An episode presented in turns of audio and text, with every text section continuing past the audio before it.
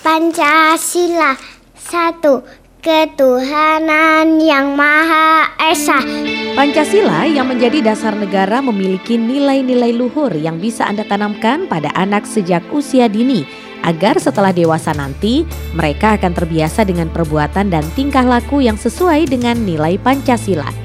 Contoh sederhana yang bisa Anda lakukan misalnya dengan mengajak anak melakukan ibadah bersama.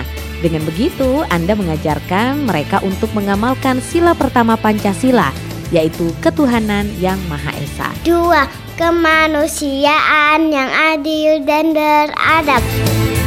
Kemanusiaan merupakan makna penting dalam sila kedua. Anda bisa mengajak mereka untuk berkunjung ke rumah teman, tetangga, atau sanak saudara. Tiga, persatuan Indonesia. Sila ketiga Pancasila mengandung makna persatuan. Anda perlu membiasakan anak Anda untuk hidup rukun termasuk dengan teman bermainnya.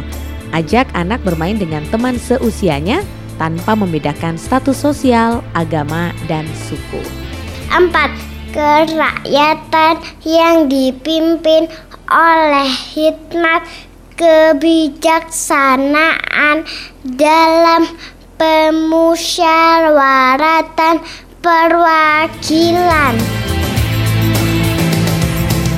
Berikutnya, berikan anak kebebasan dan kesempatan untuk memilih sesuai dengan keinginannya. Misalnya, Anda bisa menanyakan kepada anak Anda tentang apa menu makanan yang ia mau untuk hari ini.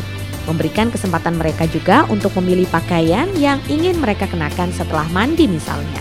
Dengan begitu, Anda mulai membiasakan anak untuk berpendapat dan mendengarkan pendapat orang lain sesuai dengan apa yang diajarkan dalam sila keempat Pancasila. 5. Keadilan sosial bagi seluruh rakyat Indonesia. Keadilan merupakan makna penting dalam sila kelima Pancasila. Anda bisa membiasakan anak untuk berbagi dengan orang lain. Hal ini akan menjadikan anak terbiasa untuk hidup adil dalam segala aspek kehidupan.